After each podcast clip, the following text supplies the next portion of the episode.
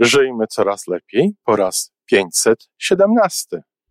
Dzień dobry, nazywam się Anna Klimowska i witam ciepło wszystkich słuchaczy podcastu Żyjmy coraz lepiej, stworzonego przez Iwonę Majewską Opiełkę i Tomka Kniata. Dzisiaj to jest ten dzień, dzień mojego pierwszego nagrania i bardzo się cieszę, że jestem tutaj z Wami. Mam zaszczyt w każdą pierwszą środę miesiąca gościć tutaj w swoim kąciku i dzielić się ze słuchaczami fragmentami książki Iwony Majewskiej Opiełki Życie jest sztuką. Książka została napisana w 2019 roku i zapraszam serdecznie do wysłuchania fragmentów, a będę ją czytała od samego początku.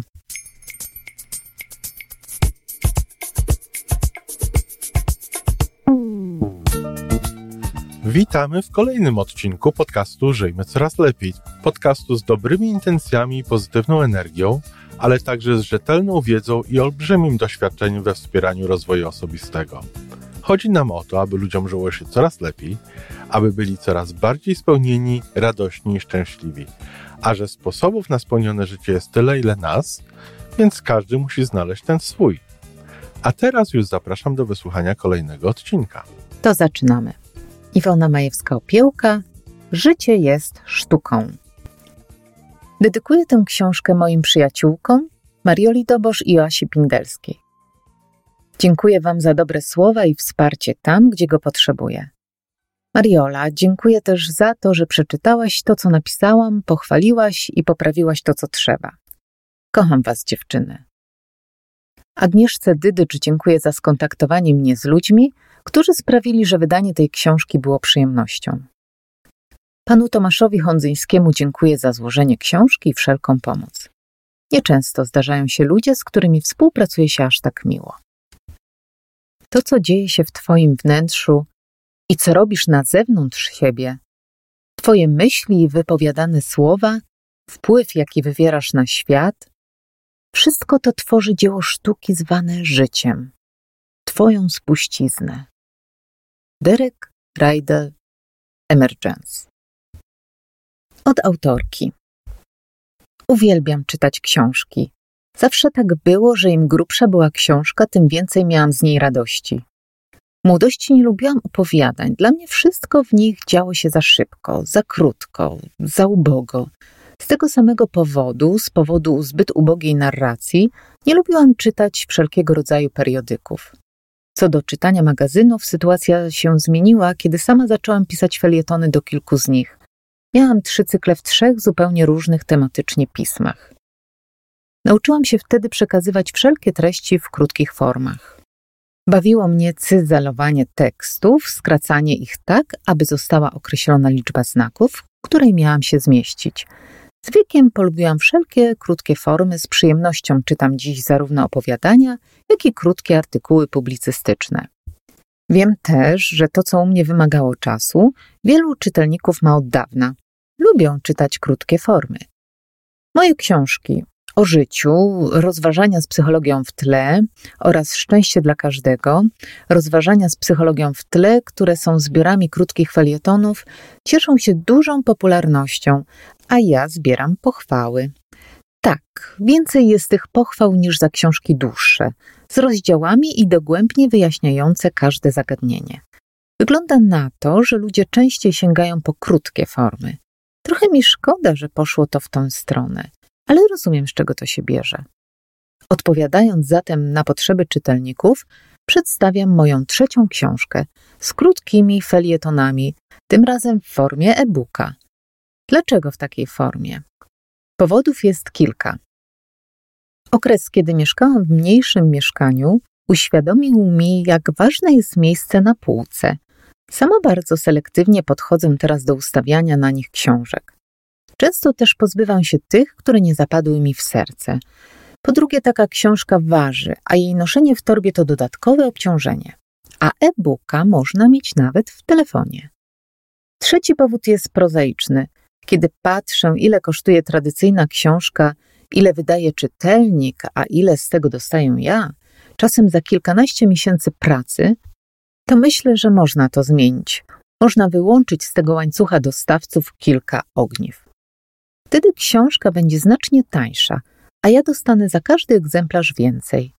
I wreszcie, szkoda lasów, po prostu. Te krótkie teksty mają podnosić na duchu, podpowiadać, co można zrobić, jak żyć, aby czuć się coraz lepiej, aby wieść spełnione życie. Mają również jednym przypominać, innym może dopiero uświadamiać, co jest w życiu najważniejsze.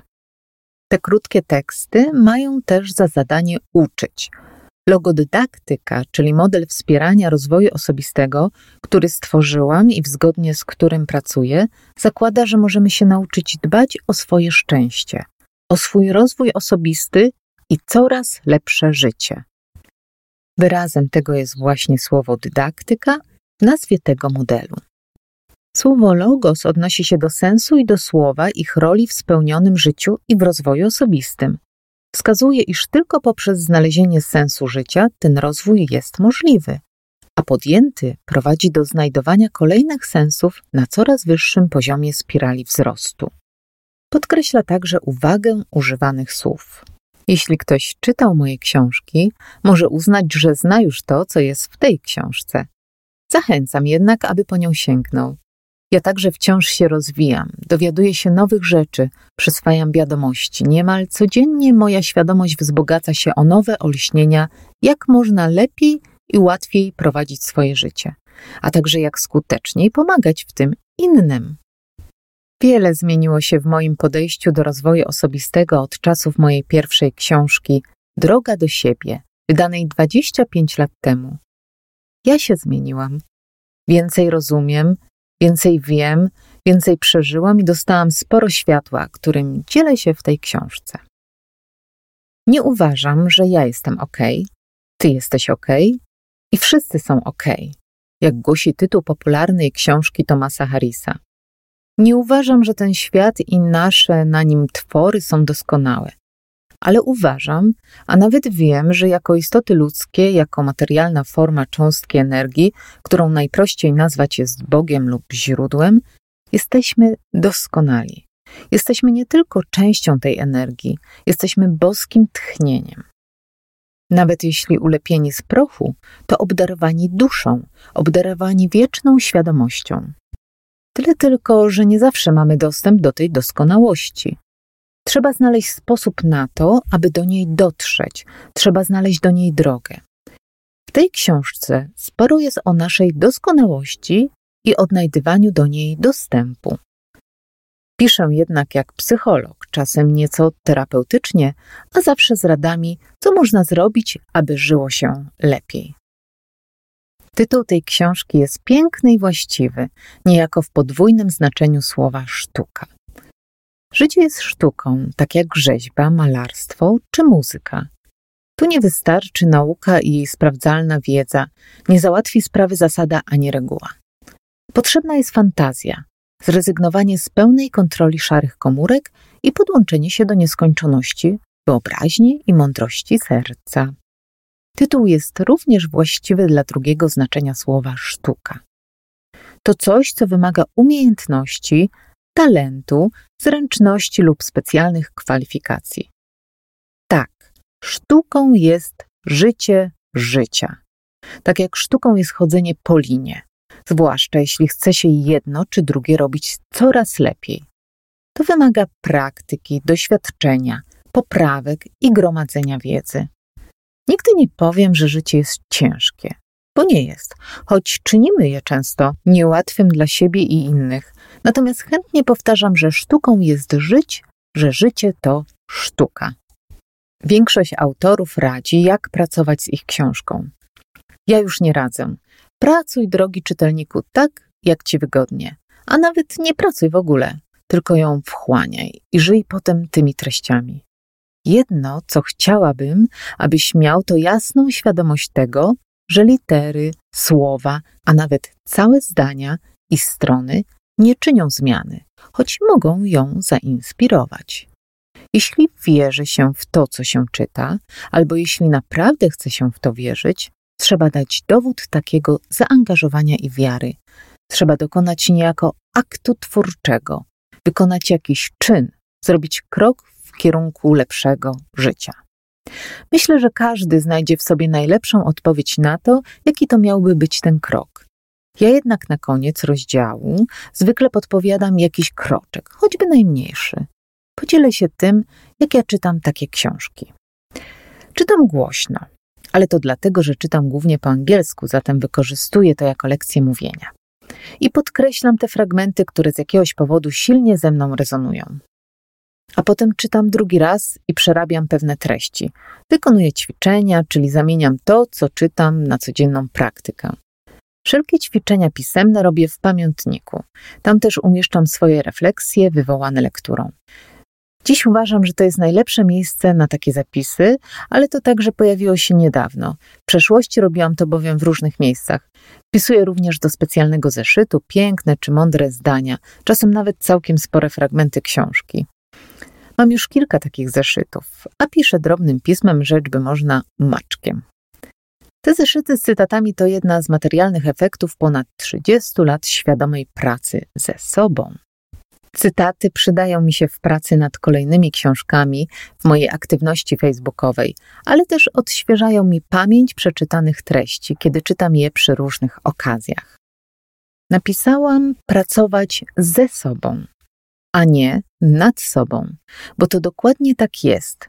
My nie jesteśmy jacyś wybrakowani, zapuszczeni czy niedokończeni. Nie jesteśmy też rzeczami i nawet sami siebie nie możemy traktować przedmiotowo, a sformułowanie pracować nad sobą coś takiego może sugerować. Jesteśmy ludźmi, najwyższą kreacją na Ziemi i mamy w sobie wszystko, czego potrzebujemy do wprowadzenia swojego życia na kolejne poziomy. Chodzi o to, aby to w sobie odnaleźć i korzystać z tego, odwołując się niemal w każdej czynności do tych odkrytych skarbów. Chodzi o to, by pracować ze sobą. Napisałam, że zeszyty z cytatami to jeden z materialnych efektów moich lat pracy ze sobą. Jakie są inne? Niektóre są materialne, choćby wnętrze mojej szafy, jedzenie na moich talerzach albo zawartość lodówki. Wszystko to znacznie różni się od wyglądu z przeszłości. Innych zobaczyć nie można, choć można ujrzeć ich efekty. To miłość w moim sercu, przekładająca się na stosunek do ludzi, w tym również do moich córek. Sam fakt, że po 18 latach spędzonych w Polsce znowu wróciłam do Kanady, to także efekt zmian we mnie. A wreszcie spokój, radość, mnóstwo wdzięczności i codzienne zachwyty nad światem. To tylko ja wiem. Krótko mówiąc, w efekcie tej pracy ze sobą jestem szczęśliwa i żyje mi się coraz lepiej, mimo że z mojej metryki teoretycznie nie powinno to wynikać. I wciąż pracuję ze sobą dalej. Zapraszam do wspólnej pracy. Każdy dzień jest dobry, by zacząć lepsze życie. Sto lat temu Karl Young pisał: Nie możemy jednak zapominać, że tylko nieliczni ludzie są artystami w życiu, że sztuka życia jest najbardziej wyróżniającą się i najrzadszą ze wszystkich sztuk. To prawda, niemniej opanowanie sztuki życia jest możliwe. Jestem przekonana, że tak, książka może być Twoim kolejnym krokiem w kierunku mistrzostwa w tej dziedzinie. A jeśli jest to pierwszy krok, to myślę, że dobrze trafiłeś. I udało się. Przeczytałam fragment książki Iwonki Życie jest sztuką. W następnym miesiącu rozpoczniemy treść pod tytułem Każdy dzień jest dobry, by zacząć lepsze życie. Ja osobiście bardzo lubię słuchać podcast Żyjmy coraz lepiej. Myślę, że książka jest wspaniałym wypełnieniem wszystkich treści, które są nam przekazywane w audycji.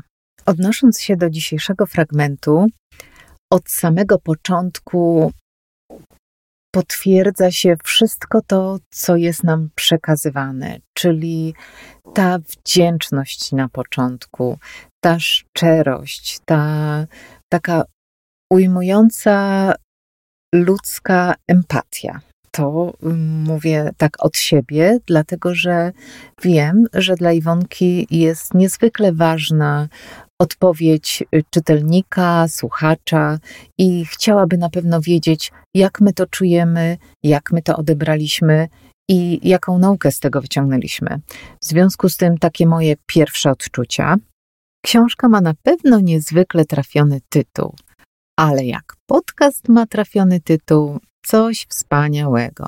Na co dzień potrzebujemy takich pozytywnych zdań i treści i tytułów.